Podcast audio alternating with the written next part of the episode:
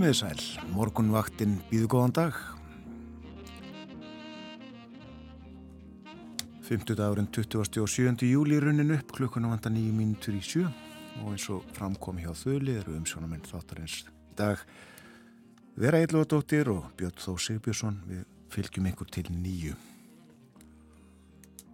Og uh, nefnum að uh, sólinn helsaði okkur þegar við stigum út í morgun. Við hefum ekki síðan að síðust daga. Við hefum verið þungbúið á höfuborgarsvæðinu.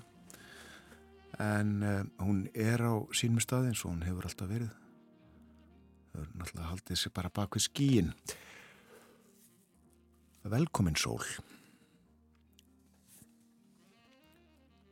En uh, veðrið á landinu almennt svona tíu steg að hitt í Reykjavík klukkan 6 í morgun. Lett skíjað, hægur vindur. Sjögráður á Kvarnæri, norðaustan 5 þar, nýjustega hitti í Stikkisólmi og 6 metrar, 8 gráður á Patrísfyrði, 6 í Búlungavík, sjöstega hitti á Holmavík, 7 gráður líka á Blönduósi, 6 við Söðunisvita, 8 stega hitti á Akureyri, Nánast Logn, Svipa viður á Húsavík, 7 stega hitti, 6 steg á Rauvarhöfn, 60 að hitti líka á skjaltingstöðum og á eigilstöðum, allskíjað á eigilstöðum, norðanátt þar 6 metrar á sekundu. 7 og 8 gráður á öfni hotnafyrði, kvískerjum og á kirkjubæðaklaustri, 9 stig á stórhauðaði vestmanægum, en það er nú ekki aðalfrétna þannig því e, það er kvast, austan 19 og 25 metrar í mestu kviðu. Nýju steg að hiti líka í Árnesi, hægari vindur þar.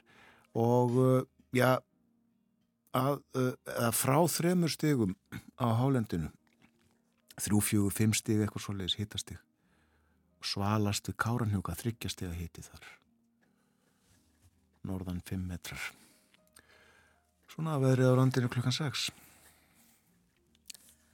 Í dag er spáð austan og norðaustanátt. Það verður víða á bylnu 5 til 13 metrar á sekundu, kvassast norðvestan til og við suðustu ströndina. Skíjað mestu og sumstaðar dáli til væta en víða bjartviðri sunnan og vestanlands, þókubakkar við norður og austuströndina í nóttu og morgun.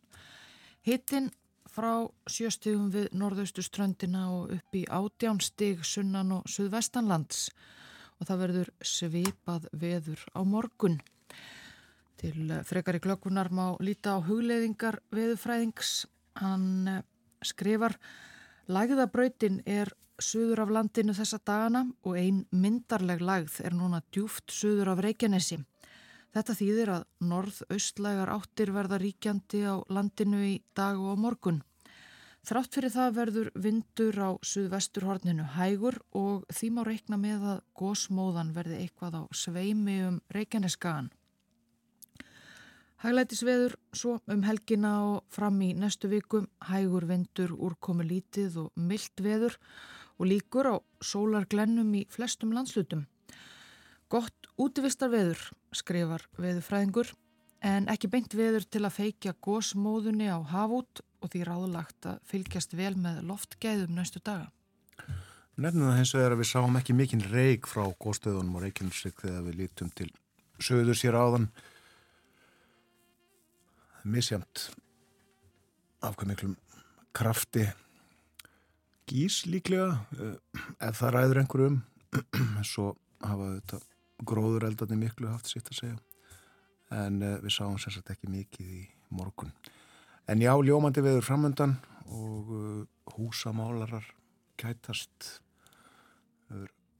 Aldeilis viðra til útíverkana síðustu dag á runar vikur Það er ímislegt á dagskrá morgumvaktarinnar í dag uh, spjall og tónar í bland og uh, fyrsta lag þáttarins þennan morgunin er Ömmubæn.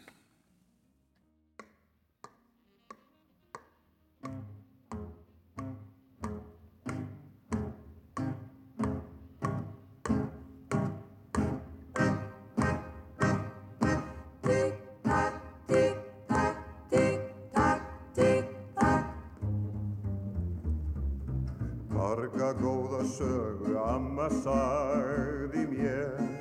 Sögum það er hún og aðri lífðu hér. Alltaf var hún amma mín svo óskuð væn Og í brefi sendi þessa bæn. Vonir þína rætist kæri vinur minn.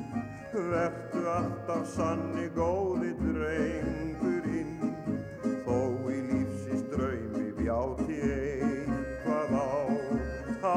Ákveðinn og sterkur sértu þá. Allar góðar vænti lýsi veginn þinn. Vernd og blessi elskulega drengin mín. Gefið lán og indi hvert og gengið spór Gæfi sömum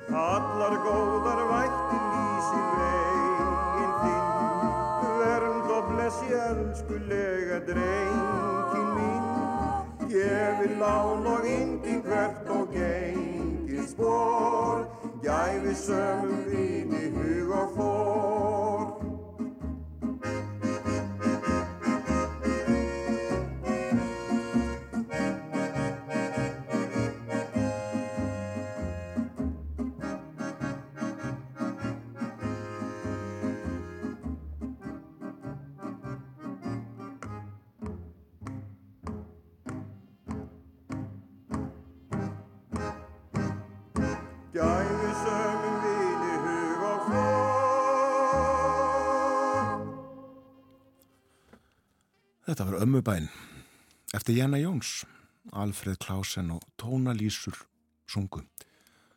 Tónalýsur voru Svala Nílsen, Ingi Björg Þorbergs og Sigriður Guðmundsdóttir. Þetta kom út 1962. Það líður af fréttonum þær koma á slæginu sjö.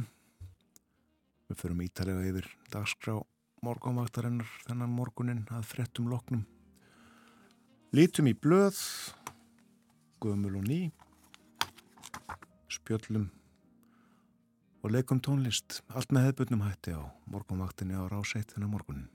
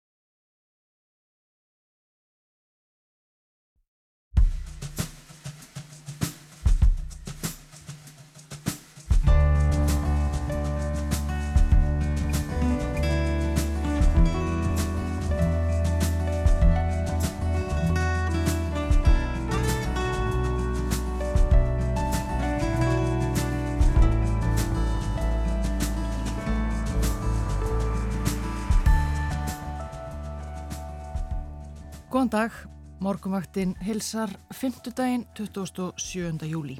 Umsjón með þættinum í dag hafa Björn Þór Sigbjörnsson og Vera Íllóðdóttir. Bói Ágússon verður með okkur, verður hér upp úr hálf átta og hann tekur upp þráðin þar sem að frá var horfið í síðustu viku, heldur áfram umfjöllunum áhugaverð og spennandi hlaðvörp sem frétta þyrstir getu haft gagn og gaman af. Og við munum hugsanlega líka fara til Kína í heimskluka dagsins. Við ætlum svo að huga að fyririldum að loknum morgun fréttunum klokkan átta. Áhugi okkar vaknaði á fyririldum í gær. Af hverju? Jú, það flögraði fyririldi um stúdióið okkar í meðri útsendingu. Hvernig fyririldi það var veitum við ekki en eh, kannski getur aðalsteinn Örn Snæþórsson frætt okkur um það. Hann er líffræðingur á náttúrustofu Norðausturlands á Húsavík. Náttúrustofan stendur meðal annars fyrir árlegri fyririlda vöktun en eh, við heyrum meira af því upp úr átta. Nei, við eh, tegunda greindum það ekki fyririldi sem að flögraði hér um hljóðstofuna í gær en uh, það var ekki kvítt eins og þessi í kvæðinu. Og svo þetta, jarð og eldfjallafræðingarnir okkar eru aldeilis í fréttunum þessa dagana. Þorvaldur, Magnús Tumi, Páll, Ármann, Melissa, Freysteinn, Kristín og öll hinn. Þau segja okkur frá ganginum í gósinu við Littlarhút. Sigurður Þórarinsson var á sinni tíð helsti jarðfræðingur þjóðarinnar og hann var kallaði til þegar jörð skalf og fjöll gusu. Og vegna eldsumbrotana nú, þá leikum við viðtal frá oktober 2021 við Sigrúnu Helgadóttur. Viðtal við hana um Sigurð. Hún skrifaði um hann bók og hlaut fyrir íslensku bókmentaverlun. Þetta viðtal verður á daska hjá okkur klukkan hálf nýju. Við fórum yfir veðurhorfur dagsins hér snemma í morgun og uh, gerum aftur fyrir fólk sem að vara vakna eða kveikja á viðtækinu. Það er uh, almennt útlitt fyrir ljómandi viður áfram er það ekki vera. Jú, hæglætis veður, það er spáð austan og norðaustanátt við á bylinu 5 til 13 metrum á sekundu. Það verður kvassast norðvestan til og við suðausturströndina. Skíjað það mestu og sumstar dáli til væta en bjart viðri víða sunnan og vestanlands. Einhverjir þókubakkar við norður og austurströndina í nótt og morgun. Hittinn frá sjöstegum við norðausturströndina upp í átjánstig sunnan og suðvestanlands.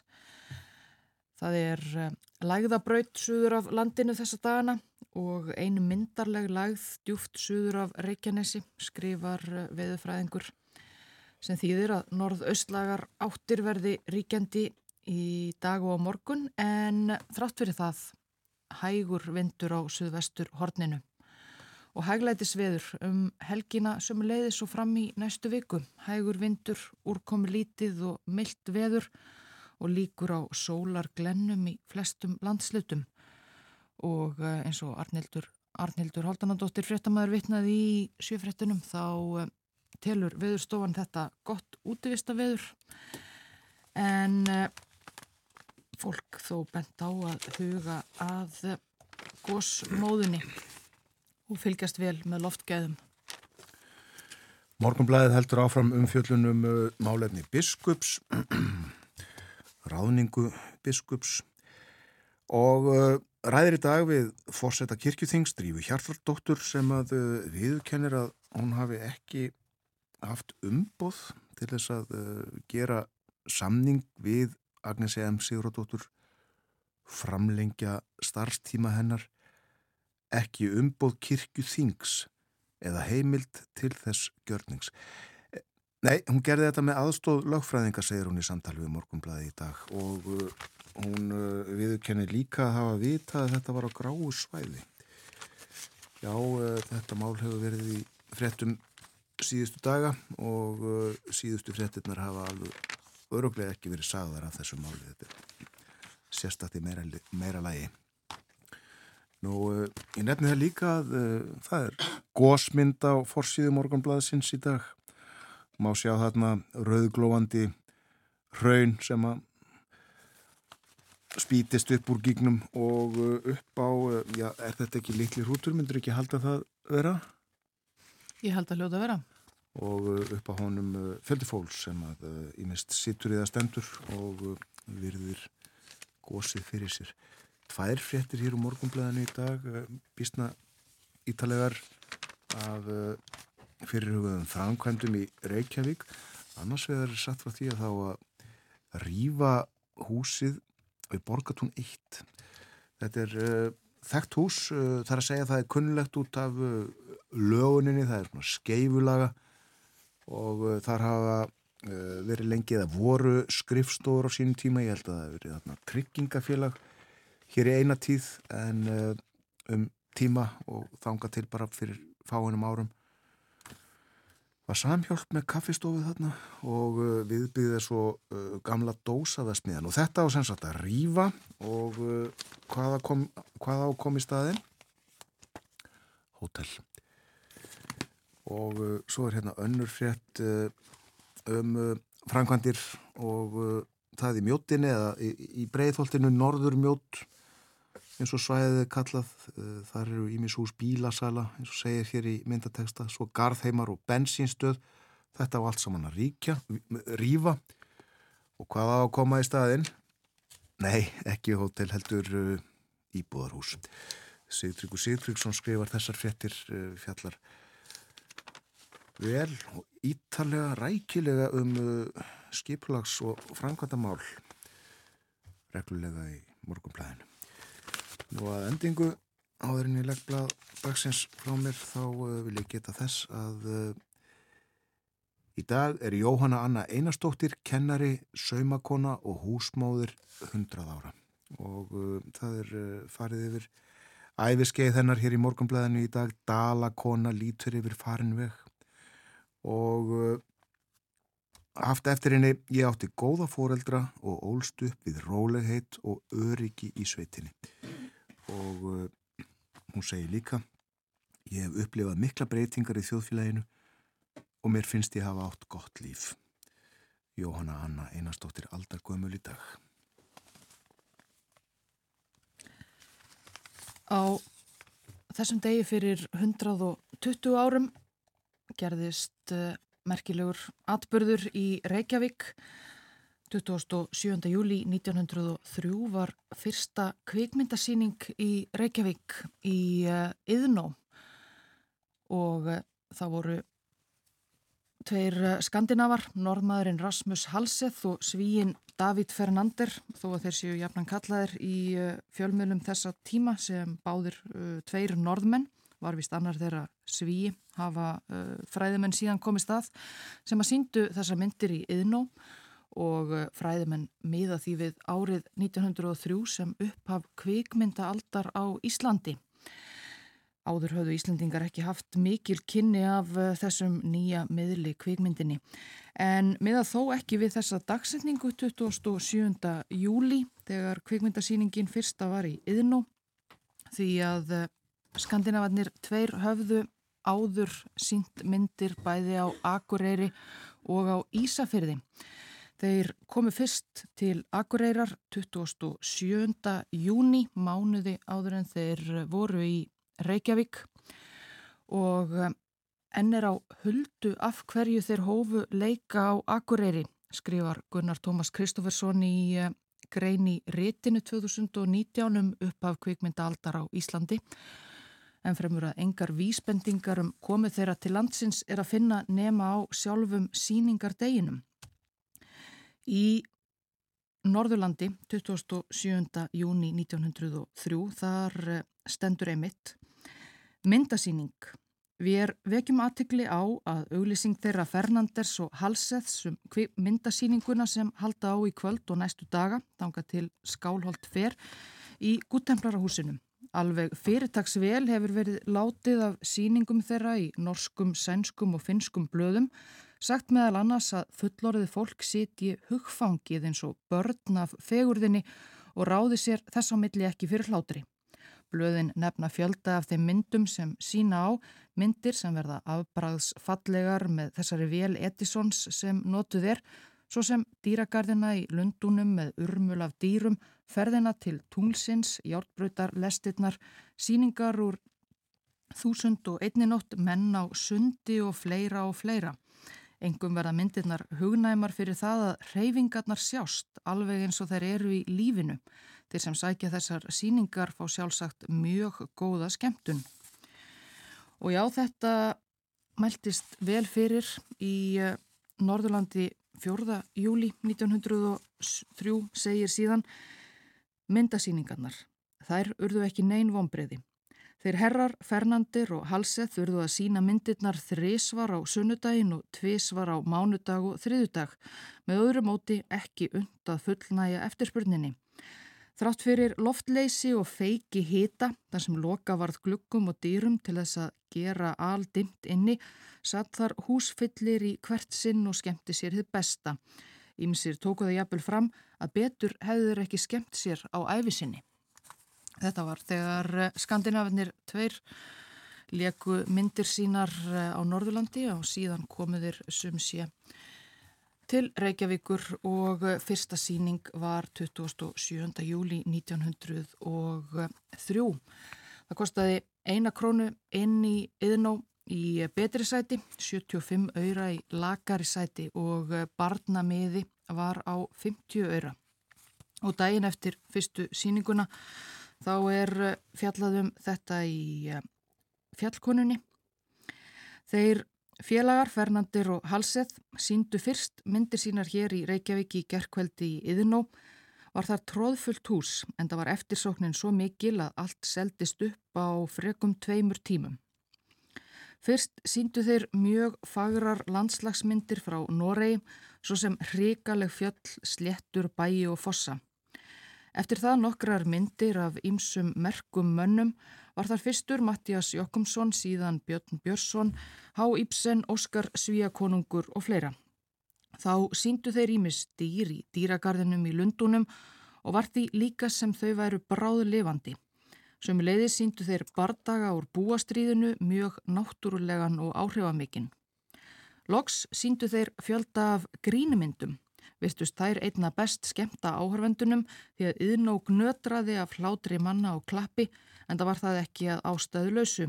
Þær voru allar hver annari betri, engum hlóum en dátt að snjókastinu, baðinu í Mílanó og prófessornum og abanum og fleira og fleira. Eflaust verður aðsóknin næstu dagana mjög mikil en það er það náttúrulegt, skemmtunin er góð. Svo var skrifað í fjallkoninni 28. júli 1903 um fyrstu kvikmyndasýninguna í Reykjavík í Yðnó og Egger Þór Bernhardsson fjallaði líka um þetta þennan atburð í greinum kvikmyndasögu Íslands í lesbók Morgonblansins 1995 Þar segir að Skandinavennir tveir hafi upphaflega aðeins ætlað að dvelja í Reykjavík í nokkra daga eða fram á annan ágúst og sína myndirnar einungis á kvöldin en aðsóknin hafi verið svo mikil að hafa þurfti aukasýningar á daginn sem og sérstakar barnasýningar. Og eh, raunar var það sagt að ekki hefði verið meiri aðsóknað neittni skemmtun í bænum en þessum myndasýningum. Þannig höfðuðu, höfðuðu kvikmyndirnar sterklega til Íslendinga þegar í upphafi. Og síðan heldu skandinavennir eh, að endingu úr eh, landi en Gunnar Tómas Kristófersson segir ennfremur í sinni grein í réttinu að eftir þessi kynni af kvikmyndunum 1903 hafi nokkrir íslenskir menn slegið saman og kift síningarbúnað þeirra Halseðs og Fernanders og uh, hófu með honum síningar á eigin spítum. Ekki eru daglegar síningar þó að veruleika fyrir en Reykjavíkur biografteater var stopnað 1906 síðar gamla bíó. En af þeim Halseth og Fernander má ennfremur það segja að þeir uh, fóru nokkuru eftir þetta að einbeita sér að kvikmyndaframleðslu í Finnlandi og teljast þeir til helstu frumkvöla kvikmyndaframleðslu þar í landi. Þetta var á þessum degi fyrir 123 eh, árum sem að áhörvendur í Yðnó veltust um að hlátri yfir ýmsum eh, gamanmyndum sem þar voru síndar. En að allt öðrum í gæri var tilkynntum andlát írsku söngkonunar Sinead O'Connor lést á dögunum 56 ára að aldri. Og við skulum hlýða á eitt lag þar sem að hún syngur. Það er íska þjóðlagasveitin The Chieftains sem að árið 1995 gaf út plötuna Long Black Veil þar sem að þeir fá til sín ímsa kunna söngvara og þar á meðal var Sinead O'Connor sem að söng með þeim írst þjóðlag The Foggy Dew.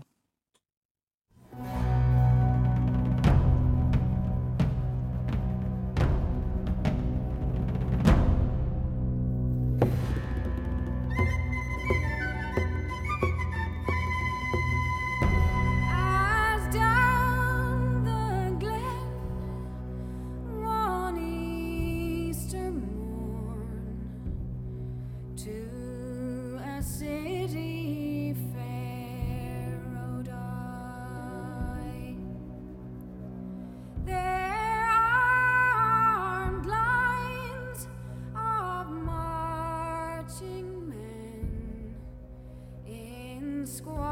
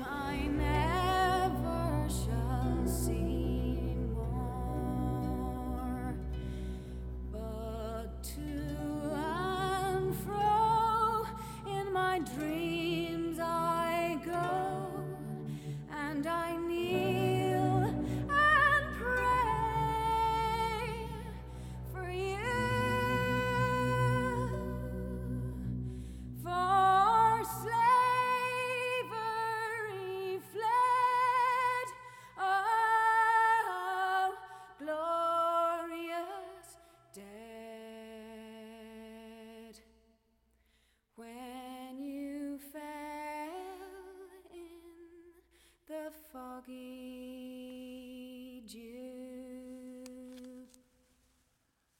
Sinead O'Connor söng með eh, Írskusveitinni Chieftains The Foggy Dew.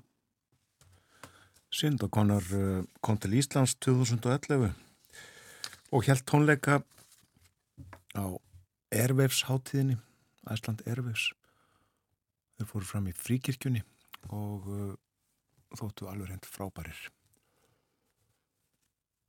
Sind O'Connor ekki bara stórkostlegu listamæður, hún var líka baratukonna fyrir uh, betri heimi og uh, gaggrindi katholsku kirkjuna harðlega fyrir í uh, fyrsta lagi það kynferðisofbeldi sem að fekk að þrýfast þar árum og kannski öldum saman. Og svo ekki síður fyrir það hvernig tekið hafði verið á þeim málum.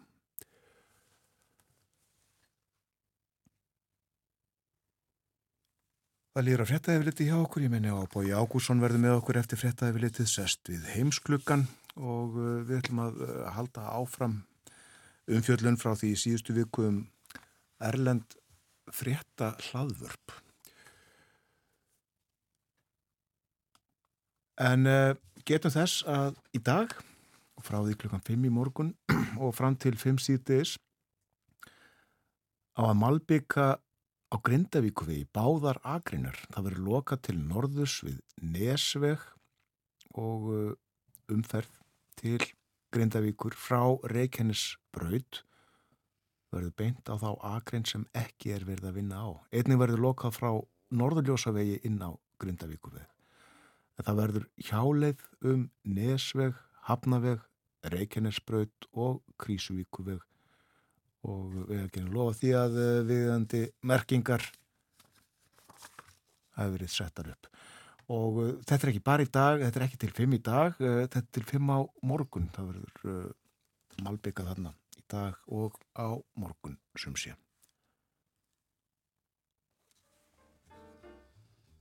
En já, bói hér eftir smá stund minni svo á að við ætlum að fjalla um fyririldi eftir morgun fréttnar klukkan átta og uh, svo reyfum við upp viðtal sem við áttum hér í þættinum fyrir einu og hálfu ári þarambil um Sigur Þórensson Jærfræðing.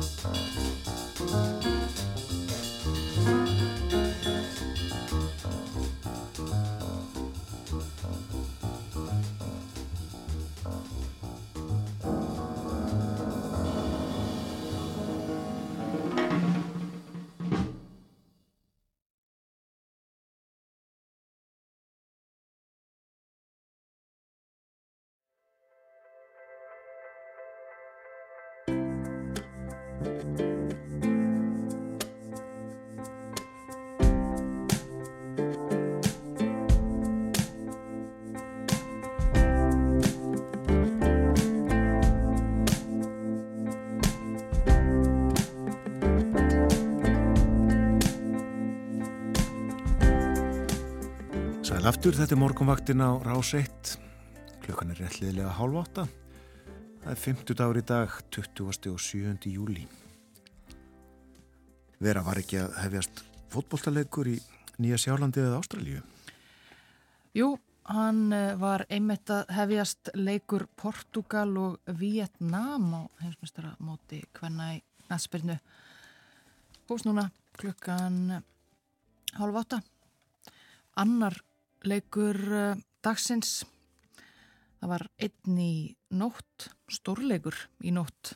Bandaríkin og Holland mættust og fór það sáleikur 1-1. Algjörlega uh, óvist hvort, uh, hvort liðið uh, er sterkara. Þar og síðan klukkan 10 þá er þriðileikurinn Ástralja-Níkerja. Ég minni á að uh, hér á uh, síðari klukkutíma þáttarins uh, milli 8 og 9 þá er annars vegar fjallaðan fyririldi og hins vegar leikuðu viðtal sem við áttum hér fyrir einu og hálfu ári um Sigur Þórarinsson Jærfræðing. En nú er hins vegar komið að heimsklukanum Bói Ágússon komin í hljóðstofu. Góðan dag Bói. Góðan dag.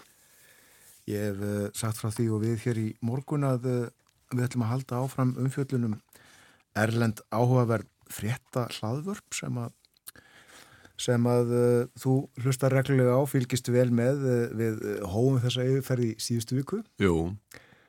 og uh, meira sem sé á eftir Mm en ef að byrja annar staðar fyrst.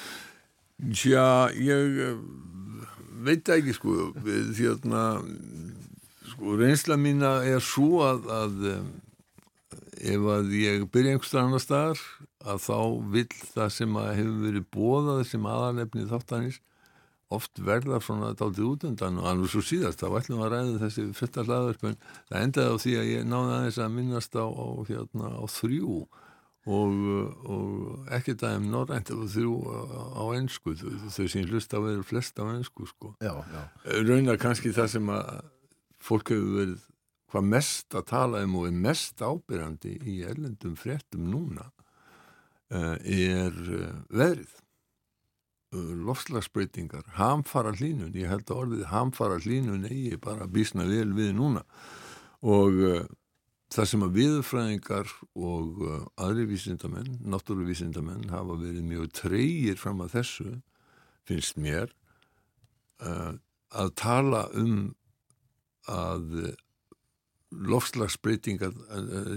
lofslagsbreytingarna séu nú þegar orðna sjáanlegar og að ákveðin veður kerfi eða hittabilgjur séu vegna lofslagsbreytinga að þá segja núna alveg klárt og uh, að án loftslagsbreytinga þá hefði þessar hittabilgjur sem að hafa riðið við bæði í bandaríkjanum þar sem að ég held að sé, mann ekki hvað í Arizona, í Phoenix í Arizona er enn einn dagurinn mann ekki hversu margir er orðnir þar sem er yfir 40 steg hitti Mm. og í Suður Evrópu að þetta hefði ekki uh, geta gerst og að hittabilgjurna sé að minnsta kosti tveimur, tveimur og hálfri gráðu hlýri heldur en þær hefði verið án loftlagsbreytinga Já.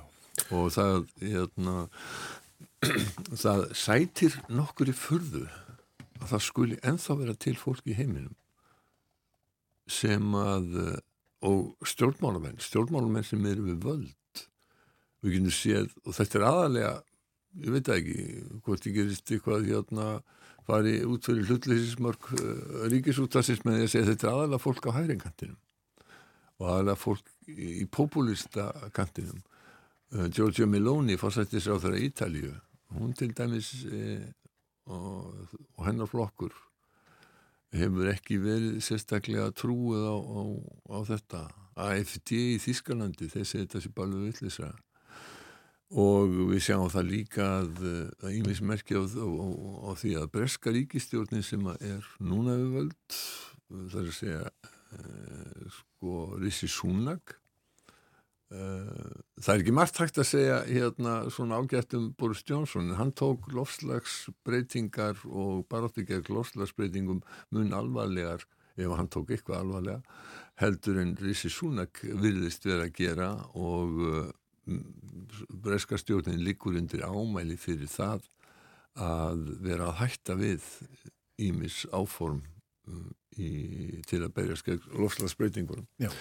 uh, sko mér er sagt að það sé einhver staðar út í heimi fólk sem að ennþá held, heldur því að, að heldur því fram að að það sé að jörðin sé flutt en uh, við uh, já, Það er líka til fólk sem að trúur á eðlu fólkið. já það er það það er uh, eins og þeirra hefur fjallað Sannlega. Það má svo sem benda á það líka að núna eru yfirheyslu í þingnefnd á í Washington um uh, það mikla samsæri sem að ban- bandaríski yfirvöld og ekki síst bandaríski flugfyrin hefur staðið í við að fela alla sannanir og all ummerki um það að það séu fljúandi furðurhlutir sem að uh, uh, heimsæki uh, jörðina reglulega.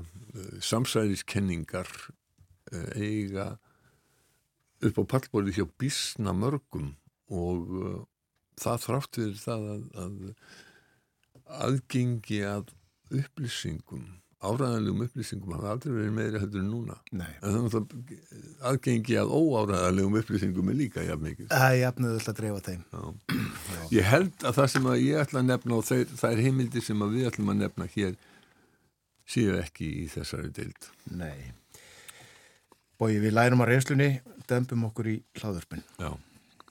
Og eru þegar búin að eða fimm minnum í annað. Svona er það.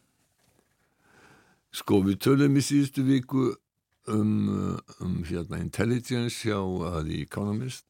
Og það er rétt að taka það fram í upphafi að, að ég byrti fæslu á vefrúf og einni á Facebook þar sem að fólk getur séð uh, hlekki á þessi hlaðvörp sem við erum að tala um. Já, við tölum um intelligence hjá Economist sem fjallar daglega um, um svona þrjú málefni sem eru hvað efst á bögi í heiminum. Við tölum líka um, um hérna Emily Maitlis og John Sopel sem að uh, eru með daglegt hlaðvarp sem heitir The News Agents um, og þegar þau voru saman hjá BBC þá voru þau með svo kallar Amerikast sem að fjallaði um bandarísk stjórnmál. Þau, Sopel og Maitlis eru enn með uh, vikulegt podcast uh, um uh, bandarísk málefni og það nefnist News Agents USA nýjasti þáttin var í gær og, og þar var, voru þau að fjalla um hverju hlutirnir er ekki að ganga upp hjá Ron DeSantis ríkistjóra í Florida sem að stefna að að verða að fórsetta frambjóðandi republikana í kostningunum og næsta ári. Og fleiri sem hafa verið að fjalla um það að kostninga bara þetta hans sem að fór svona, já þokkali af stað að hún vilist að var steitt á skeri núna uh, Við skulum aðeins halda okkur við ensku podcast á, á ensku. Eh, Eitt af því sem er í miklu uppáhaldi hjá mér er uh, The Rest is Politics sem er bráskemmtilegt hlaðvarp sem að fjallar mikið um breska politíken líka mjög mikið um alltaf og umsjónamenn The Rest is Politics eru tveir mjög vel þekktir menn úr umræðin í Breitlandi Alastair Campbell og, og Rory Stewart. Uh, Campbell var spunamistari Tony Blairs á sinnum tíma. Hann er ennþá mjög virkur í þjóðmálaumræðin í Breitlandi eftirsóttur til þess að taka þátt í spjallþáttum fer mjög mikið í skóla að ræða við nefendur og uh, hann hefur einnig glimt við þunglindi og hann hefur verið að vara virkur í umræðu uh, um uh, geðræna sjúkdóma, tala mjög opinskátt um geðræna sjúkdóma sína meðal annars í sjónvarsþáttum sem að voru síndir hérna í rúf Alistair Campbell var rekin úr verkamannafloknum 2019 þegar hann kaus frjálslindra dem demokrata í Evropaþingskostningunum þeim síðustu sem breyta fengu að taka þátt í. Uh, og hann eiginlega þannig síðan mór svo sem segja að hann hafi rakist uh, úr flokknum þegar að flokksfórustan var dálítið mikið lengra til vinstri heldur en að hún er núna uh, Rory Stewart hinn um sjónamaðurinn hann er uh, á hinnum væng stjórnmáluna hann er uh, íhjálpsmaður hann var þingmaður og, ráþera á tímum Theresa May og hann sóttist eftir því að verða leitói flokksins þegar May hætti. Um, hann þótti þá eiga mjög litla möguleika svo litla að tímaritið The New Statesman skrifaði háðulega um frambúðu og sagði að hann ætti aðeins einn örugan stuðningsmann hann sjálfan. Uh, Stuart fór mjög óhefbundna leiði í kostningabaróttinni uh, og uh, hann meðan hans fór hann var, var eiginlega ekkert í London hann fór í svona gönguferður um Bresk Þorp og borgir aðalega í, í dreifbílinu tók þetta upp og, og spjallaði við, við kjósendur á förnum vegi. Þetta var tekið upp og drift á samfélagsmiðlum og þetta vakti um, umtalsverða aðtegli og uh, svo þegar nokkur þekktir íhaldsmenn sem voru svona næri miðjuflokksins eins og, eins og Kenneth Clark sem sjálfur sóttist nú oftar en einu sinni eftir að verða leiðtöður flokksins og hafði ekki erindi sem er við því en þegar þetta fólk uh, listi við stuðningi við hann þá færðist svona lífi í kostningabaratuna hjá honum. Og uh, honum gekk á endanum mun betur heldur en nokkur hafði búist við. Uh, hann tók þátt í kappræðum á Channel 4 þegar að voru bara sex eftir í, í hérna barátunum það verða leitu í hersflokksins og þar á meðal Boris Johnson. Og þar voru fjölmiðlar sammála um að hann hefði staðið sér langbest. Og hann hefði alveg bakað, bakað þessu umræðu. En uh, íhjálpsflokkurinn valdi nú samt sem áður Boris Johnson van sætlar minningar. Og uh, það veit allir hvernig fórum þá sjóferð. Uh, Stuart sagði sig úr flokknum þegar að uh, Boris Johnson var, var valið leitói og hann í um, afsagnar yfirlýsingu sinni þá vittnaði hann í uh, orð sem að skólastjóri Eton uh, þess uh, merka eða já, þess svona fína engaskóla hafði haft um Boris Johnson þegar hann lög námið þar sagt að hann væri afskaplega ég man ekki nákvæmlega hvað stórðarlega var hann var óm, ómyrkilegur og uh, það væri ekki hægt að reyða sig á hann og testa hann. Svo náttúrulega kom í ljós og það var fjöldi annara manna sem hafði unni með Johnson eða Keynes Johnson sem að varaði við þessu meðal annars Sir Max Hastings sem hafði verið rítstjóri hans á, á um, telegraf minni mig sem að sagði að þetta myndi enda með skelvingu og það er endaði með skelvingu en sem sagt þeir Alistair Campbell og Rory Stewart eru úr sínum flokknum með þeir eiga samin þetta þeir eru báðir skotar og þeir eru báðir á móti sjálfstæðar skotlands.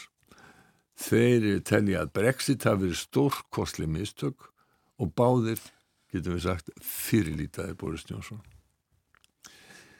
Sko þetta podcast því var hlift af Stokkonum bara fyrir rétt rúm ári síðan. Þetta var í mars 2022 og það hefur slegið mjög eftirminni í gegn og er núna held ég bara vinsælasta hlaðvarp í, í, í, í Breitlandi.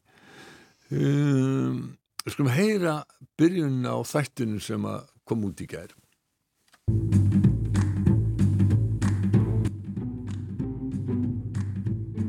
The Rest is Politics with me, Alistair Campbell. and with me, Rory Stewart. And really, Rory, we both are absolutely desperate to talk about the same thing, which is Israel, to which we're going to devote most of the second half of the podcast. And we're also going to, we're going to kick off with the continuing fallout from the by-elections last week. Can't believe that we're still talking about ULEZ and whether Labour and the Tories should ditch all their what David Cameron used to call the green crap.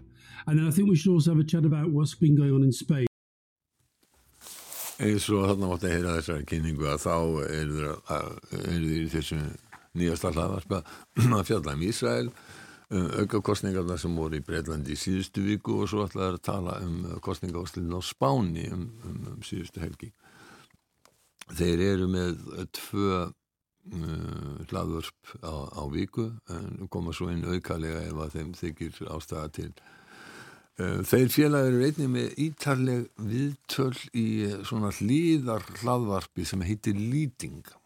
Og uh, þar hefur verið rætt við mjög marga merka liðtóa uh, og má nefna Michael Heseltine, Michel Barnier, uh, Bernie Sanders, Tony Blair, Hillary Clinton, Leo Varadkar, Francis Fukuyama, hinsbyggingin fræga sem að skrifaði bókina um hvort að uh, endi sögunar hefði verið náð eh, og hann heldi ekki fram.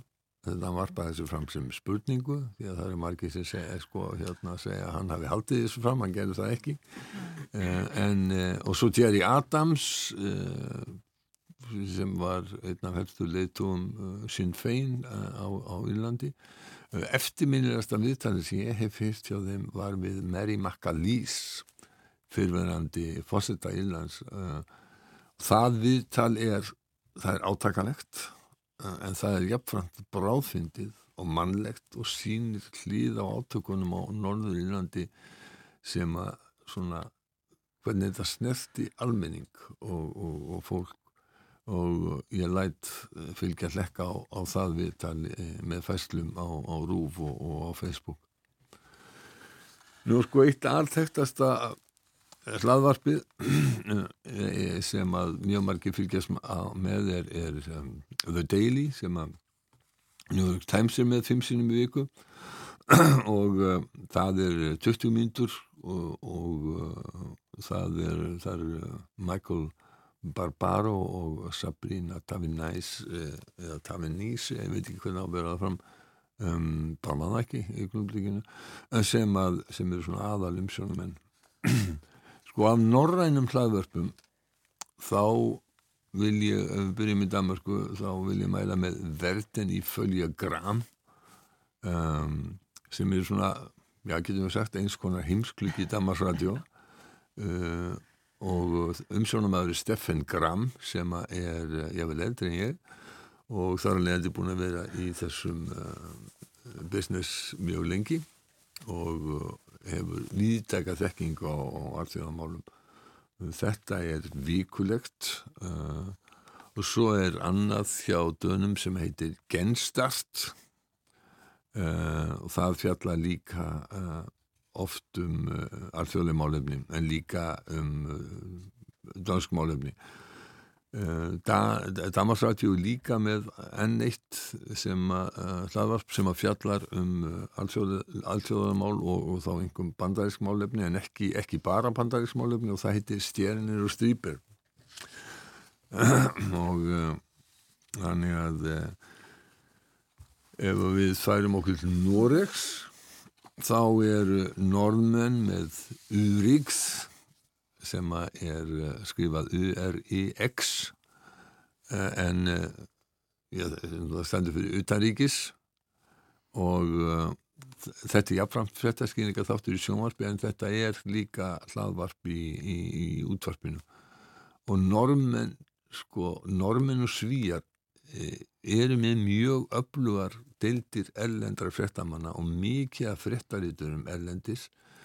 Þannig að þeir sem að eru kannski þreyttir á því að heyra þetta bara í gegnum uh, engilsaksnesk eiru og augu þeim bent á að, að bæði Damas, nei bæði hérna sérstaklega NRK og uh, líka SR, Svenska Ríkisútvarpið og SRFT, Svenska Ríkisjónvarpið eru með mikið af fréttaritunum sem að horfa svona daldið öðruvísi augum stundum á hlutina. Og jafnframt þá ætla ég líka benda á að í sjónvarpi að þá er eh, eiga mjög margir hér á Íslandi að, aðgengi að uh, Frans van Katr sem er á ennsku líka sem er frans, fransk fréttasjónvarstöð sem er uh, já, eins og, og nafni bendi til van Katr 24 er uh, allan sólarhingin í gangi.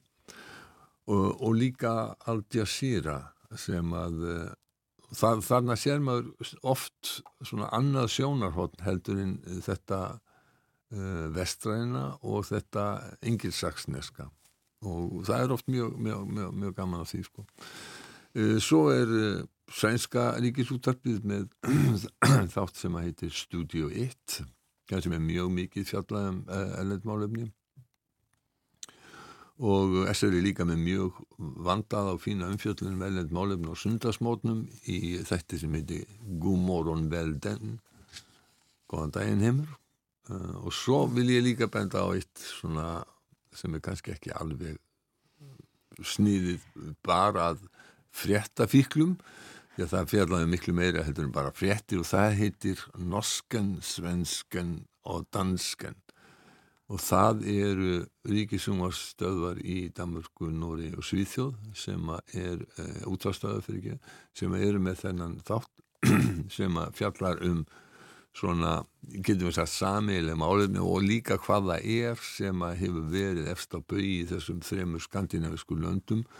Ég man til dæmis síðasti þáttunum þeir eru sumafri í augnablíkinu síðasti sem ég, ég hlustaði á fjallaði um Helle Tóning Smith og uh, heimildamind sem við gerðum hana og hversu sko, miðlar og umræða hefði leikið hana grátt sko, það var talað um að hún væri sko, Helle Fíni og hérna og Gucci Helli og uh, alls konar slík umræða.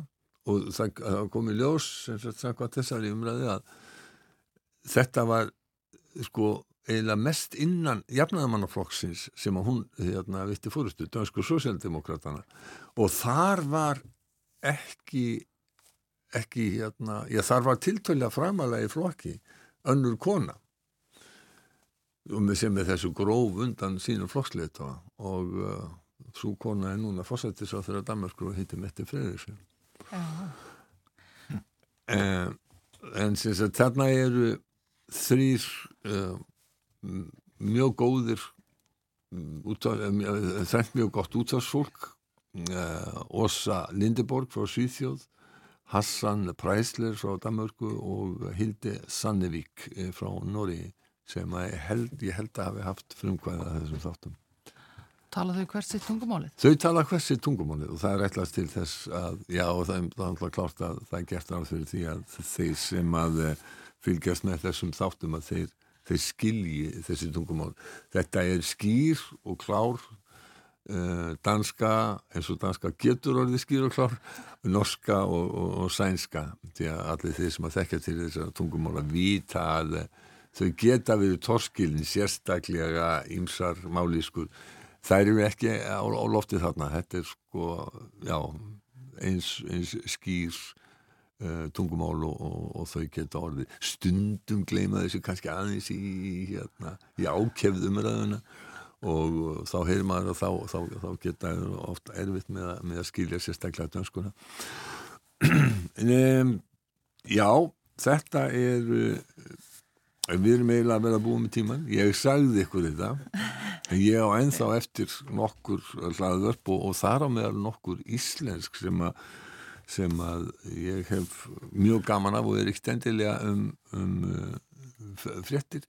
Það er til dæmis uh, flugvarpið, það er blanda sem er sagfræði þáttur og svo eru ellenda sagfræði hérna hlaðvörp og hann slíti, ég veit ekki, ég voru kannski að halda áfram í, í næ- næstu viku nema að við fáum sko mótmæla öldu ég fekk, það voru talsvöld margir sem hafðu samband og báðu um það að, fá hlekki á þessi hlaðvörpum og tala um þannig við sjáum bara til hverjar viðtökur áheyrenda verða hvort við haldum áfram í næstu viku Kæra þakki fyrir að vera með okkur í dag hér á morgunvaktinni Bói Ágússon. Takk sem liðis Fréttirnar eru hér framöndan.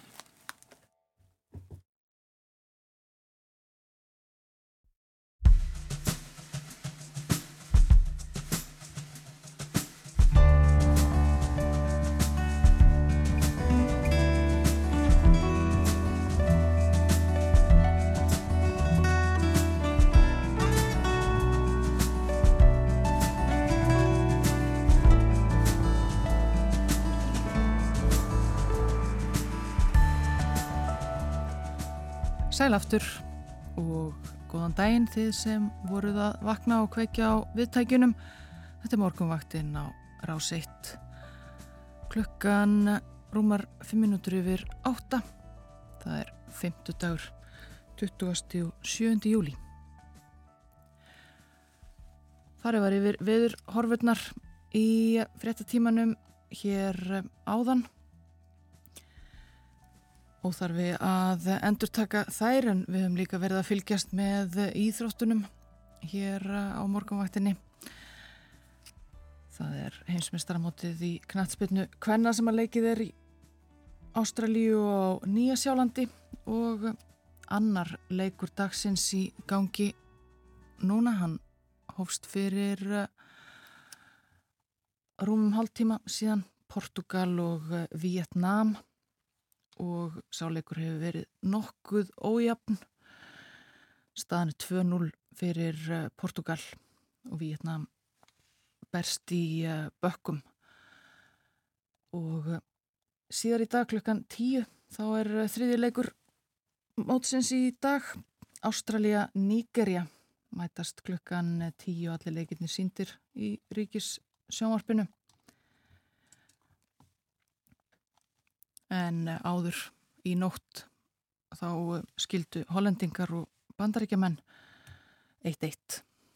Þetta var af uh, íþróttum og ég minni á það að hér upp úr upp úr hálf nýju í síðasta hluta þáttarins ætlum við að leika viðtal við Sigrunu Helgadóttur um Sigurd Þóraðinsson jarð, jarðfræðing tilöfni, já, allar þeirra jarðfræðinga sem að verið hafa í fréttum uh, síðustu vikur.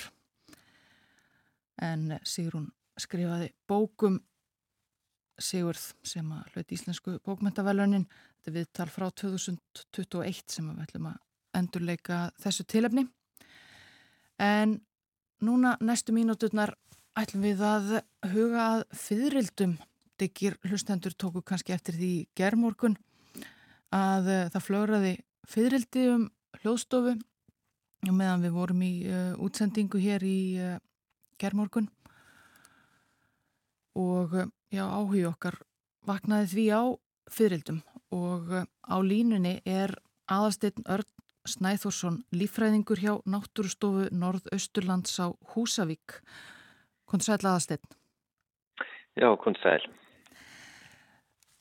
Náttúrustofa Norðausturlands á Húsavík, já þið eh, fáist eh, við ímislegt en eh, þar á meðal er fyririlda vöktun. Segðu mér aðeins frá því hvernig hún fer fram. Já, við höfum stunda fyririlda vöktun frá árunni 2009 og hún fer þannig fram að við erum með svo kallega ljósgildru. Þetta er svona gildra sem byggir á þeirri ja, einföldu staðrönda fyririldi eins og mörgunum skortir laðast að ljósi. Þannig að við erum, þetta er kassi með sterkar ljósaperu fyrir ofan og fyririldin fara að ljósaperunni og við það fljú á hana þá fapast um flýið og falla niður um trekt onni kassan það sem er svæfingar efni sem að lætur þau bara leggjast í kvílu þar onni kassin er svo tæmdur vikurlega og, og hérna og aflinn geimdur þar til að við greinum hann yfir leta vetralagi svona það minnaður um að umleikið sjá okkur Og þetta gerir þið á ári hverju?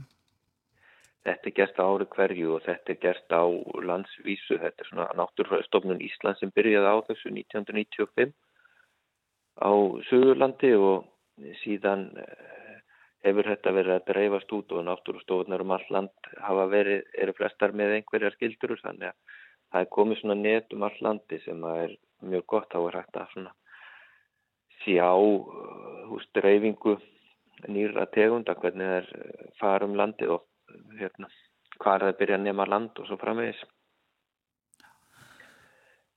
Og já, nýra tegunda eru, eru sífælt að bætast við nýjar fyririldategundir?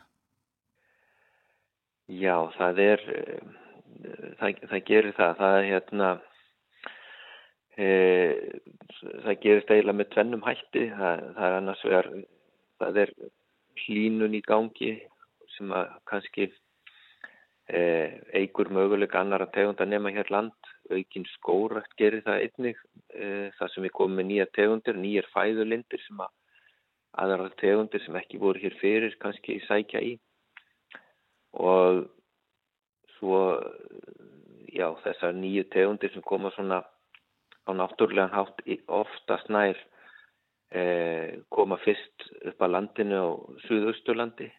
Það er svona styrst frá Evrópu og byrja þar og dreifast um landi þaðan frá. En síðan innflutningur okkur, okkar á plöntum og, og slíku. Hann er nú oft mestast, mestur á sko suðvesturhóttninu og, og nýja tegundur sem að berast þannig með því að það er húka sér far með plöntum sem við erum að flytja til landsins er það er nefnum land á Suðvesturland og dreifast út frá, út frá því. Merkið þið, eh, er þetta bara aukning eða merkið þið sveiflur á milli ára í, í fyririldum?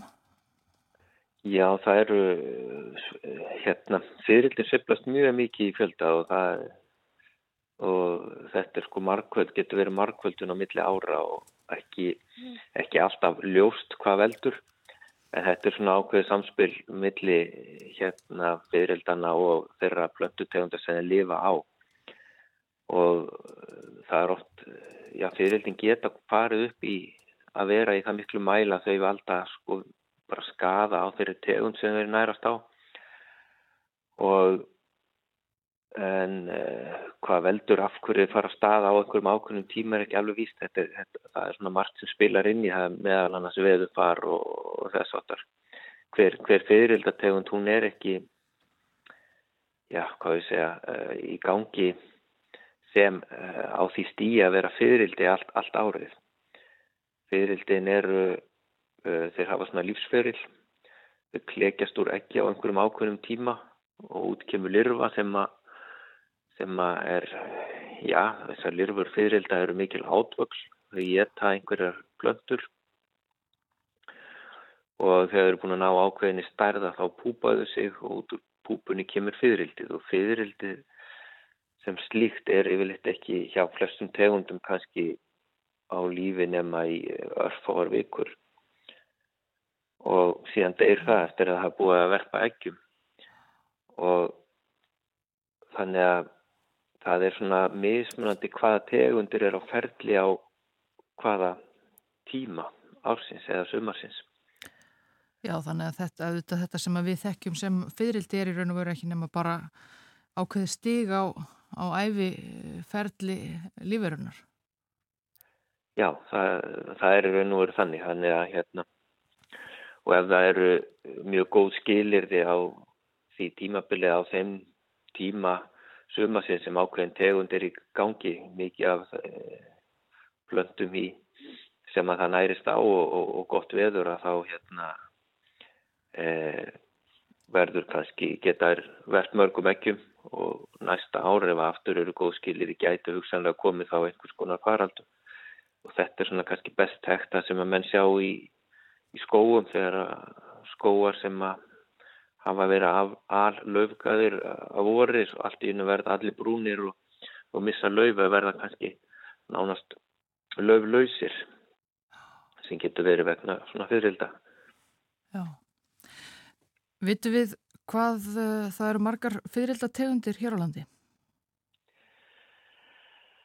Eh, Það er, eru einhver staðar í kringum hundra, ég veit nú ekki nákvæmlega tölu og þetta er líka alltaf svolítið erfitt að segja hvað eru margar, eru hérna, við fáum bæði tegundir sem eru í miklu mæli og eru mjög algengar hér á landi og það eru uh, kannski 20-30 eitthvað svoleið sem eru í miklu magni. Síðan eru fleiri tegundir sem eru sjálfgjafari og svo eru við líka með tegundir sem að eh, koma sem flækinga til landsins því að vindar, já sérstaklega þessir östlægu og suðaustlægu vindar frá meginlandi Evrópu þeir eru stöðust að feikja hingað yfir fyririldum.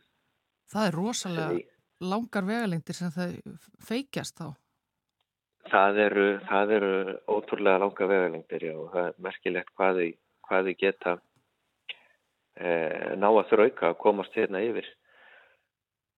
En þetta er og þetta er kannski annað sem að, er, sem að menn kannski taka frekar eftir með svona flækingsfyrildum. Það eru, já fyrildin eru raun og veru tveir hópar sem að hérna við hér á Íslandi höfum bara annan, þetta nú stundu verið kallað dagfyrildi og náttfyrildi og þetta sem við erum að veiða í þessa fyrildagildur og þessi fyrildi sem við þekkjum hér á Íslandi eru þessi náttfyrildi þau eru yfirleitt svona frekar uh, döflit en síðan eru þessi dagfyrildi sem eru mun starri og skærilit og menn yfirleitt hoppa upp til handa og fóta. Þeir rekast á þetta hér á Íslandi. Þetta eru eins og aðmirálsfyrildi, fyrstilfyrildi og slík.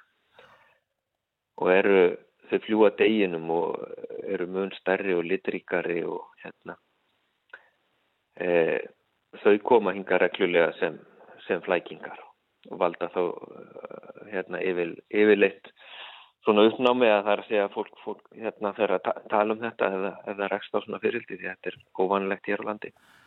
Jú, maður hefur séð það í, í fréttum svona af og til eh, stór og litrík fyririldi sem, a, sem að sjást. Já, og þau eru svona fer, ferðina á bæin og eru, eru hérna og það er það sem að e, já, fólk, fólk tekur mikið eftir að það ferðast erlendi, það er þessi litríku fyririldi sem er á ferli og þau eru kvik og hérna og, og sjá vel og hérna bregðast við að menn er að komast nær meðan að fyririldin okkar þau meira svona biljast í við við daginn en fljúa upp ef einhver lappar um eða, eða tröflum verður. Hvað tegundir eh, eru algengastar hér?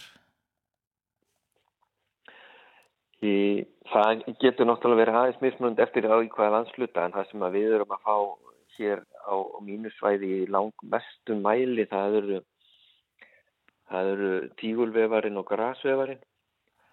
Þetta eru frekar, frekar lítil fyririldi og geta verið í miklu, miklu magni. Grasvefarinn er liðið mest á svona grastegundum með, meðan tígulvefarinn er í, er, hann er mikið í byrki og víði og herjar á þau og, og, getur valdið skada á þessum, þessum tegundum. En það eru, sko, þetta eru eiginlega þrýr hópar ef við, ef við getum talað þannig um þrýr hópa fyririlda sem, a, sem að eru algengasti. Það eru þessir vefarar og það eru fetar og yglur.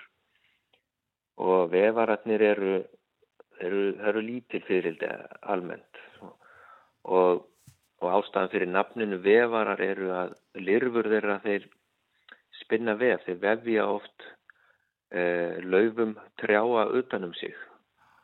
Þetta er oft mjög ábyrjand af trjám það sem mikið er af þessum vefurum að mann sjá að laufblöðin hefur myndað svona knippi, það er búið að vefja þeim saman og ef mann opna knippið þá er lirfa inni.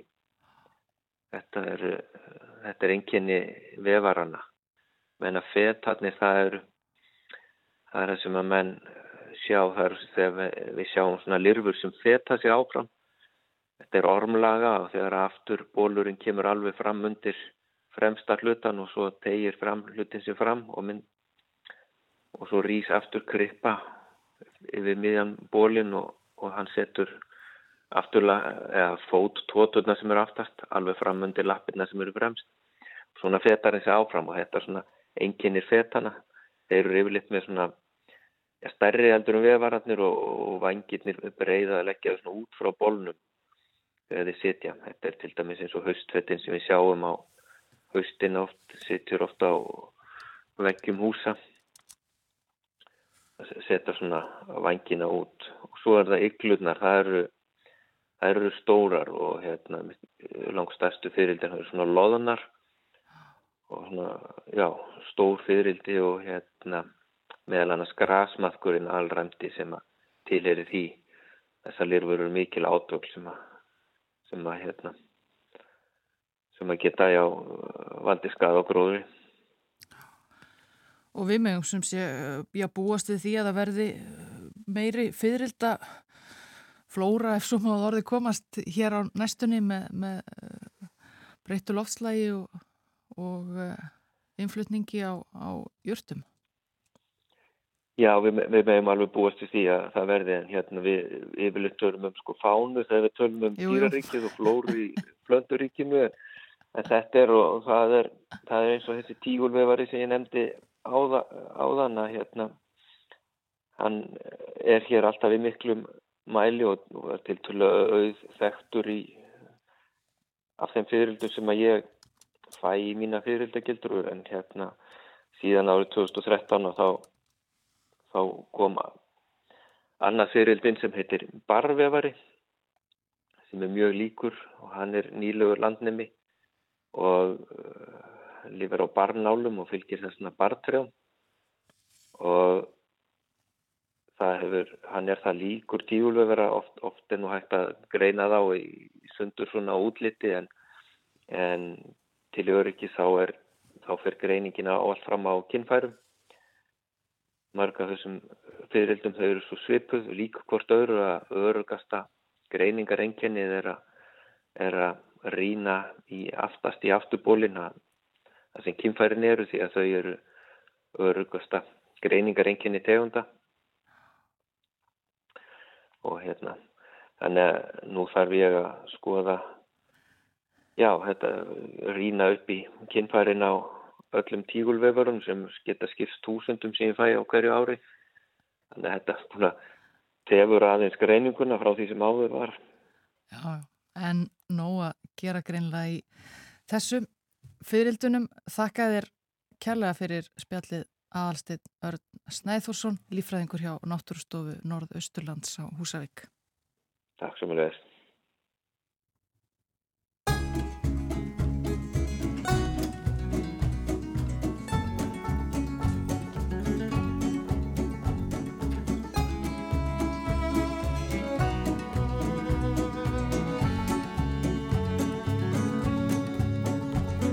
eins og fyririldi af glugga flögraðir í gærkvöldi á burt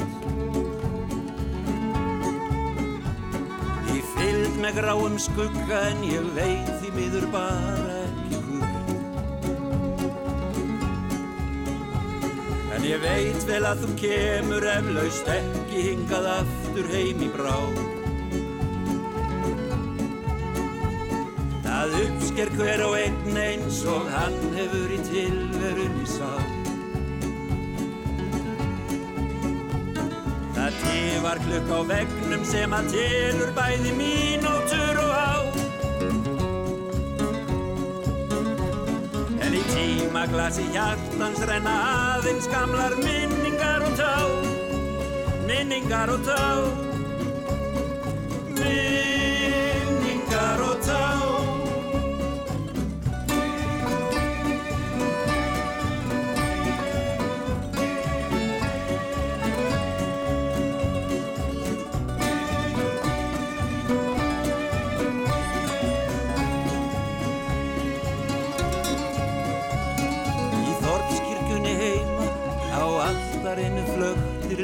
Ljós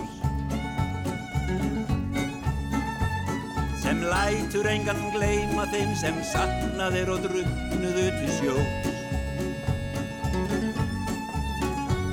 Það er kona sem að situr ein í kirkjunni og byður ofur hljóð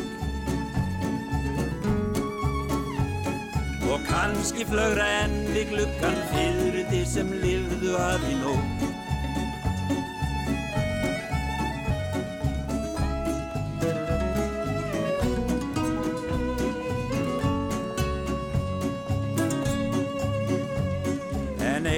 Spor í sandi hverfer minningin úr hugum okkar má. Á meðan hefur einhver nýjum sorgum kringum jarðkúluna strá Nýjum sorgum strá Nýjum sorgum strá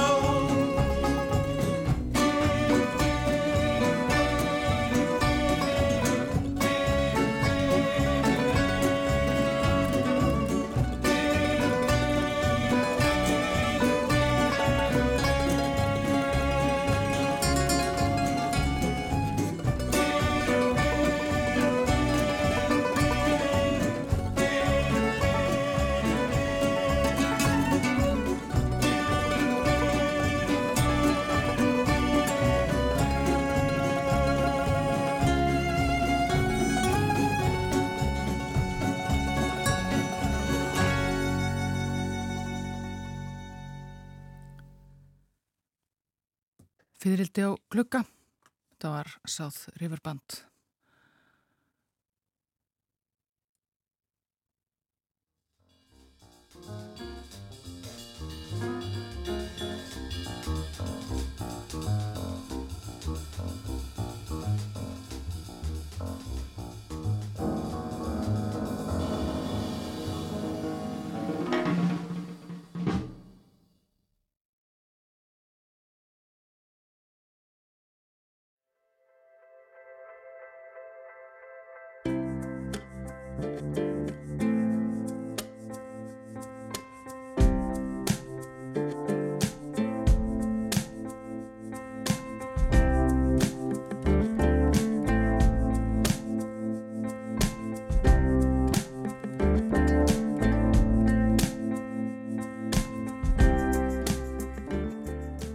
Aftur þér að hlusta á morgunvaktina á Rás 1. Klukkan var réttliðlega hálf nýju og framöndan síðasti hluti þáttarins þennan morgunin. Og vegna viðtalana við alla jarfræðingana um eldgósið við litla hrút síðustu vikur, þá ætlum við nú að endurleika viðtal hér úr þættinum frá því fyrir einu og hálfu ári eða svo við Sigrúnu Helgadóttur um Sigur Þórarinsson jarfræðing. Nú forðnumst við um Sigur Þórarinsson jarfræðing. Sigur fættist í Vopnafyrði 1912. Hann fór í mentaskólan á Akureyri og lærði svo sín fræði í Kaupanahöfn en aðalega í Stokkólmi og vann svo hér heima við rannsóknir og kennslu. Sigurður var dáður mjög, þjóðin fyldist með fræðastörum hans og lærði af honum á landið sitt og sönguðu þetta vísutnarans líka. Mart skiður stundum í merkurferðum og það allt saman. Sigrún Helgadóttir Lífræðingur hefur skrifað mikla bókum Sigurð, æfi hans og störf. Mynd af manni heitir hún og það duð ekki minna en tvö bindi, teksti og myndir þekja 800 blaðsýður. Velkomin til okkar Sigrún, innilega til hamingju. Já, takk fyrir það. Ég ætla nú að, að uh, byrja allra fyrst á að segja frá því að uh, þú sjálf átt heiðurinn að því að það var ráðist í þetta verk. Uh, Þú vildir að saga Sigurðar yrði skráð en sást nú alls ekki fyrir þér að skrifa sjálf. Þvertamóti saðuru þegar upp á því að stungið að þú annaðist verkið. Ég kann hvorki að skrifa um fólk nýja er ég jærfræðingur. En hér er komin bók. Já, það var um, Sigurður Svavarsson sem var, er því miður látin um, en hann var bókútgefandi og um, hann, ég hafði skrifað tvær bækur og var að skrifa þá þriðju sem hann hafði gefið út og um, það var þá sem að ákveði var að fagna aldaramali Sigurðar Þóranssonar og ég hafði grúskasvoldið í, í náttúrvend og þá sérstaklega kannski, eða þá er ekki hægt að skoða náttúrvend á Íslandin nema að skoða æfi Sigurðar og það hans þátt í því því hann var brautriðenda því svið eins og mörgum öðrum og þegar var verið að fagna þessu 100 ára amali Sigurðar þá var ég beðin um að segja frá náttúrvendamanninum Sigurði, þá var einhver allt aðri sem sögðu frá jarfræknum Sigurði og allt aðri sem sungu textanans og allt þetta. En um, svo hafði ég samband við Sigga Svavars eins og hann var nú gerna kallaður og, og sagði hann að það, mér finnst þetta alveg ótakt að það var ekki skrifið æfisega Sigurðar. Já.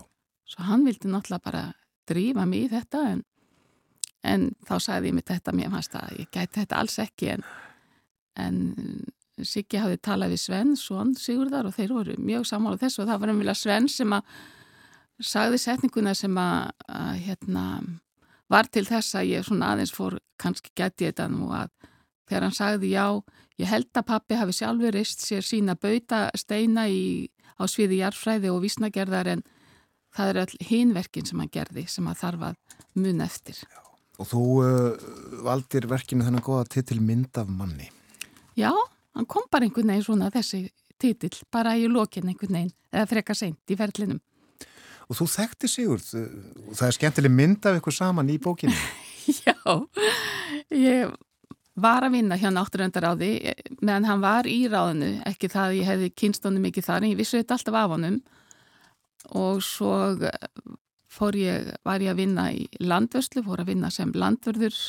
1974, var með svona allra elstu elstu mönnum á því sviði og um, það, þá fekk ég áhuga að læra meiri náttúrfræði og læriði lífræði en tók jarðfræði sem valgrein sem þýtt að ég var í jarðfræði kursi hjá honum allt fyrsta árið læriði almenna jarðfræði eins og ég hétt þá og fór svo í þessa lungu já, viku tíu daga ferðum Suðurland með Sigurði sem var óglemalegt og þessi myndi tekinni þar Já, bara góðu kennari. Já, það, það, það fannst mér. Auðvitað er alltaf, fólk hefur ólíka skoðanir á kennurum en hann var, mér fannst hann frábær, hann var svo fróður og vissi svo margt og svo náttúrulega svo skemmtilegur, alltaf með mikið að myndum og um, já, ég fannst hann, ég fannst gaman að, náttúrulega sérstaklega gaman að fara með honum um landið. Mjög svo. Við tölum um uh, Sigur Þórarinsson Jarfræðing en uh, á Wikipedia síðunni um hann, ég hef sagt frá því hér áður í þættinum, uh, þá var hann sagður sko náttúrufræðingur, landfræðingur, jarfræðingur, eldfjallafræðingur og jöklafræðingur. Já, hann var þetta allt saman. Hann tók mér sér kúsa í grasafræði, hérna háskóla kúsa í grasafræði líka. Hann gerði nú ekki mikið úr því. En það var samt svolítið fyndið þegar að sænski kongur kom að þá hafði hann svo mikið náhuga grasafræði og blómum. Þannig að þegar átt að keira með hann í hérna um, almanagjá að, að þá vildi hann lappa því hann vildi skoða plöntutnar svo Sigurður farið að fara upp, upp plöntutnar.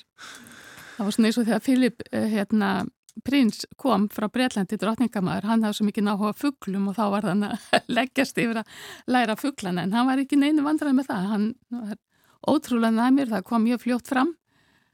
Hann var eh, talað um hann bara í vopnafyrði sem gáfnaljósið þar og var mjög fljótt læs gætt lesið hvort heldur sem að bækurnast nýri rétt eða á kvolfi og, og hérna hann hefði svona lært eh, lestur líklega þannig að hann horfi á uh, gamla konu sem var í heimilinu og stautaði sig áfram í sálmabókinni líklega eða einhverju guðsorðum og helt fingri við og strákur stóð þá hínum megin við hann og horfið á allt á kvolfi svo hann læriði að lesa á, á kvolfi líka og það er sæði sagan að vinnukoninni sem að var á tegi hjá fóldramanns og þegar að presturinn Einar á Hofi sem setna áttin og eftir verða fóstrans um, kom þar eh, í húsvitjun þegar stráku var fjár ára þá bent hún honum á að prófa lesturinn hjá þessum dreng sem að presti hafði náttúrulega ekki dotti í hug því að drengurinn áttu þetta ekkit að vera orðin læs.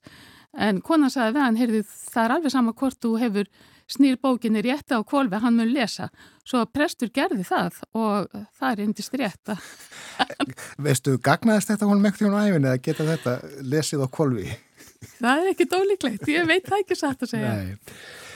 Þú byggir á ymsu uh, og ekki síst dagbókum sem Já. hann, sem hann uh, held og uh, hann skrifaði uh, með ymsum hætti í dagbækurnar og, og ég veit að það var erfitt að lesa þetta stundum og skrifaði í bílum þar sem var hossast á, á hálendinu. En uh, mér langar að ganni að vitna hér í dagbókaskrif uh, úr leiðangri sem að hópur náttúrufræðinga fór í sumari 1935 og þetta var uh, fyrsti rannsóknar leiðangur íslenskra vísindamanna um fáfarnar slóðir austan vatnajökuls eins og framkymur í bókinni og þar ferðast á hestum og gist í gangnamannakofum og tvö tjöld voru með í ferð, þau voru kölluð himnaríki og helvíti en uh, 20. og 5. júli þá skrifaði Sigurður snemma morguns Húðar helvítis rigning, vestangarri og kuldaveður, hitin ekki nema 5 stig, þó er líðaninn heldur góð. Furturinn hefur eldað góðan havragraut með sveskjum, auk þess komust við fíti í brauð og smér, sitja nú allir í kofanum í kringum pálma og steindór og eru hveðnar ljótar og óartugar vísur. Ljótt slís varði gerkvöldi. Þá fór helmingurinn úr viskipela mínum. Hinum helmingnum skóluðu við niður í flíti. Já, þetta var eh, skrifað snemma morguns en klukkan 11 skrifaði hann svo Nú er indælt hér og ein indæl stund á örafum borgar tíu illviðri stundir. Það er nær heiðríkt og stafalogn að baki rís snæfell heiminhátt og allt kuldalegt þaki niður í miðjar hlýðar náttgömlum snæ. Í norðaustri skarður máni yfir sléttum og víðum austur öraunum og blárautt blikið á vestur himninum endur speiklast í lignum álunum hér á milli eigana.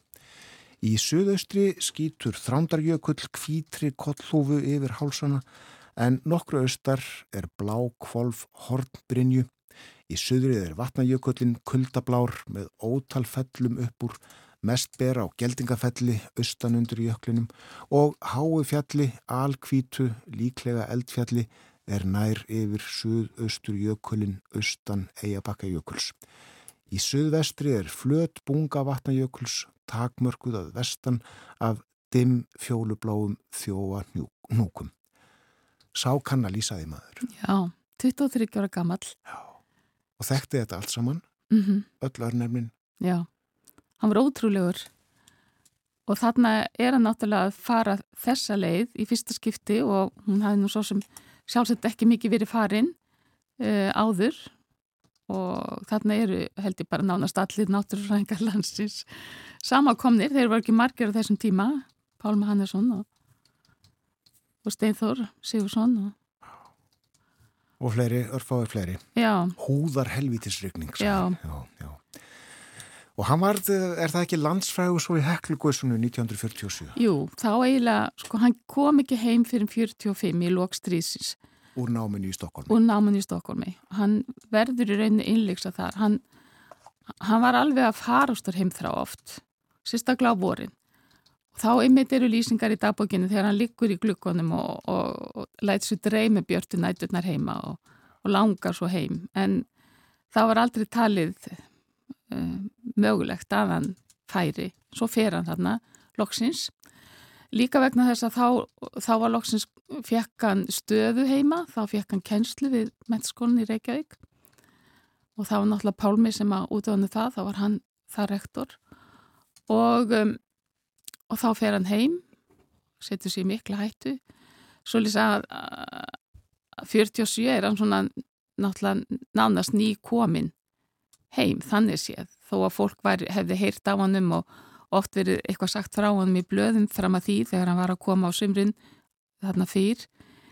En um, 47 þá, þá gerist eitthvað sko, þá er fólk hafði ekki séð eldgós fólk ekki séð raun renna, það hafði ju séð eldgós í, í köllu 1918 en það rann ekki raun og það er langa lýsinga til dæmis í mokkanum þegar fólk er að lýsa því hvernig raun rennur. Það er eins og þegar póka sér veltniður, heipóka sér veltniður brekku, eitthvað slíkt, það líkir fólk því við. Og eru undrast þessu ósköp sko. Og þannig síðast í gær verið að tala um af, uh, hvað fólk væri djart á rauninu í geldingadölum. En það er nokkið neitt með hvað menn voru þarna á þessum tíma því að, þeir eru náttúrulega mjög svo forvitnir og vildu skoða þetta rækilega fara, þeir fóru meiri sér alveg ofan í gíin, Sigurður og tveir félagar hans svona í einhverju góðslíðinu þannig að, um, að þarna var mikil dyrska og, og þarna kom fram þessi mikla þörf eiginlega Sigurðar fyrir að segja frá Já. og gera það svona vel Og þó að eldgós getur þetta verið hræðileg, köllugósið, vestmanneigagósið, að þá hlýtur þetta að vera draumur í jarðvísindamannsins. Já, hann, sko það hefði verið mjög auðvelt þarna uh, 47 að leggja áherslu á ógnina og leggja áherslu á að þetta væri hættulegt og eitthvað slíkt en, en hann var svo forvitinn og áhersamur og, og uh, fræðandi að hann getur smita þjóðina með þessari um, forvitni sinni og þessum áhuga og ég held að við búum að þessu enn þjóðin. Og hann var mjög dáður í samfélaginu. Já, hann kannski ekki síst vegna þess hvað hann var um, fús til að segja fólki frá og segja vel frá og var með þessa frábæri myndir. Eins og þarna í heglugósinu þá var náttúrulega ekki neitt sjómarp, langt í það. Hann var í útvarpi og út í blöðum en svo held hann myndakvöld og það var svo um, þau voru svo vinsæl að, að fólk kom og tróðst þarna um hvert um þvert fylltu alla sali og setið í öllum stólum og við vekki og stundum þá var bara að vísa fólki frá og hann var að endur taka fyrirlösturinn setnum kvöldið. Nafni Sigurður Þorrensson er eins og töfra orði erum fólk sem komið yfir miðan aldur og mannan skrifuru. Já, Já. það má alveg segja það. Ég gæti alveg aldurskreint fólk eftir hvort að myndi eftir sigur eða ekki. Svona nánast, sko. Það myndi eftir honum, ef það var komið svona, já, svolítið vel á sjötusaldur þá, þá var þetta svona töfra orð.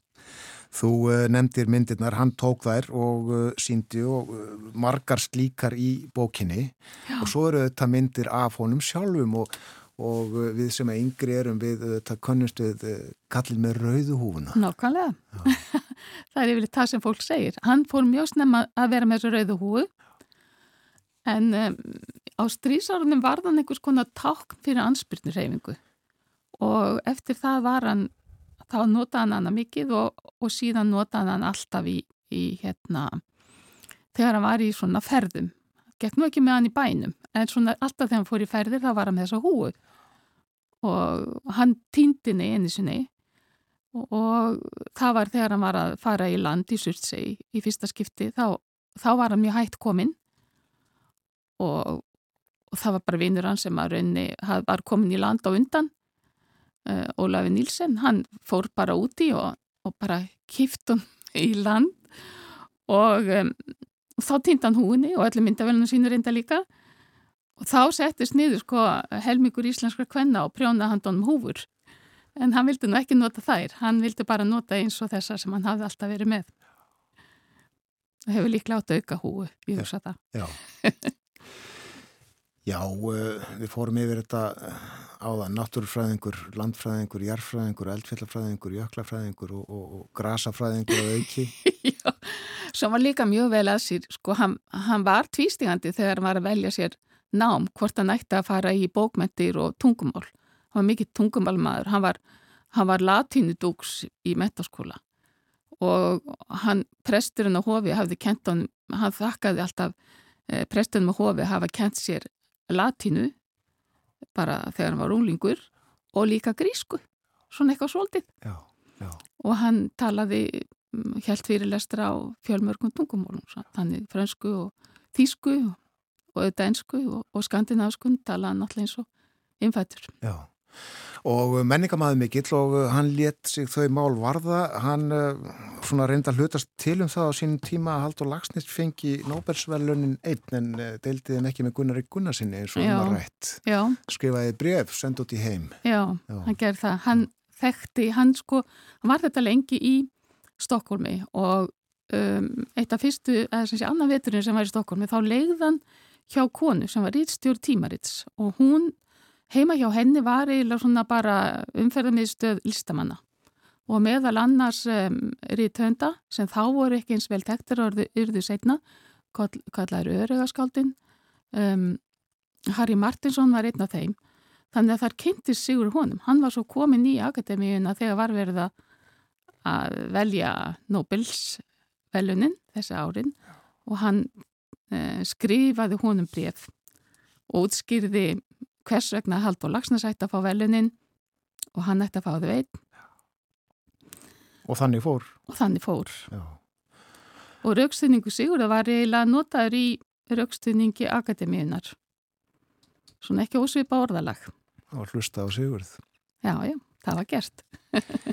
eh, er byggt enn á hans uh, þekkingu, þeirri þekkingu sem hann aflaði þegar uh, þessi fræði öll eru kent hér í dag? Ég sé nú ekki hvernig er hægt að komast hjá því.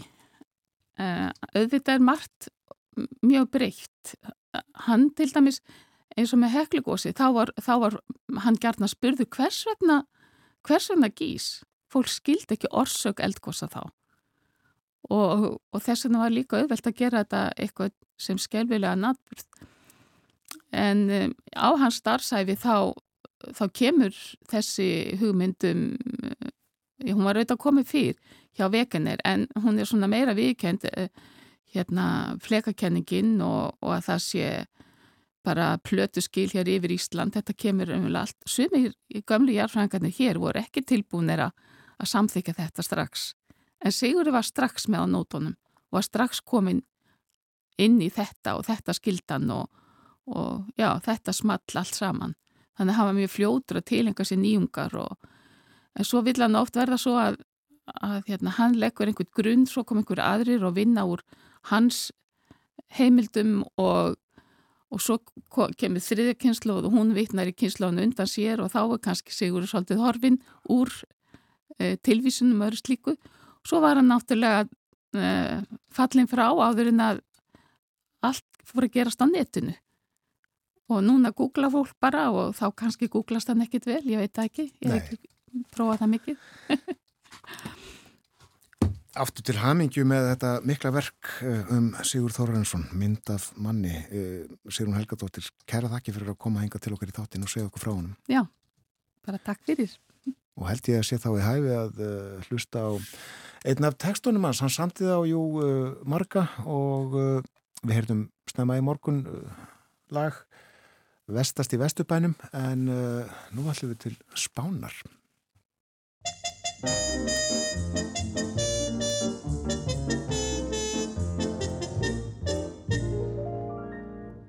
vil ég greina í litlu ljóði frá landi herrlegu spáni já Þar kostar á líka klára vínið og krana blá vatnið okkur hjá. Og senjórítur þar suður á spáni, þar syngjum ástir með ljúfum hreim. Pálmanna strönd þegar merlar máni en mikið er varasamt að treysta þeim. Í Barcelona var lagleg niðra með liminetta og svarta brá. Hún uppvartaði á einum barnum og á tjónsumra var ringan á. Hún brosti þegar ég bað um viski því brosir virtist svo laust við tál og var svo kankvís og hýr og nellin að hjarta kornið mitt fór í bál. Ó senjórítur, það suður á spáni, það syngjum ástir með ljúfum hreim. Pálmanna strönd þegar merlar máni en mikið er varasamt að treysta þeim. Ég rann í skyndi til ræðis mannsins og rjúka vildi að gifta mig. En dusil mennið þann mælti drildið. Ég myndi láta hann að eiga sig. Á danstað hugðist ég drekja raunum og dreymi þangað en rakst þar á þá litlu svarteigu sem ég unni við slána ljótan hún var að kjá Já, senjórítur, það suður á spáni, þar syngjum ástir með ljúum hreim. Pálmanna strönd þegar merlar máni en mikið er varasamt að treysta heim. Svo hlessa bæði og hryggur varð ég að hálfa flösku í einu drakk. Þá greip mig bræði, ég gekk að kauða og gaf á kjaft svo að vörinn sprakk en rónin dróð þá upp rýting stóran og rak á kaf í minn hægri arm svo blóði sprautaðist yfir okkur en engum kvinnunnar falska varm Æ, senjórítur, það suður á spáni, þær syngjum ástir, veljúum hreim. Pálmanna strönd þegar merlar máni, en mikið er varasamt að treysta þeim. Í mánu lá ég, í mínum sárum, og miklum kvölum, óþvílitt stand. Með skuldir stórar og skútan farin, en skjátan kominn í hjónaband. Því seg ég piltur ef suður ferðu og sælu býður þér píaslí. Við þurfum því miður að draga hér niður í spánarljóði sem að Jónas Jónasson syngur. Það er komið að lókum morgunvaktarinnar. Björn og vera þakka samfélgina í dag. Við verum hér í fyrramálið. Við vonum að þið njóti dagsins. Verðið sæl. Senjórítur, það sur á spáni, þær syngjum ástir með ljúfum hreim. Pálmanna strönd þegar merlar máni, en mikið er varasamt að treysta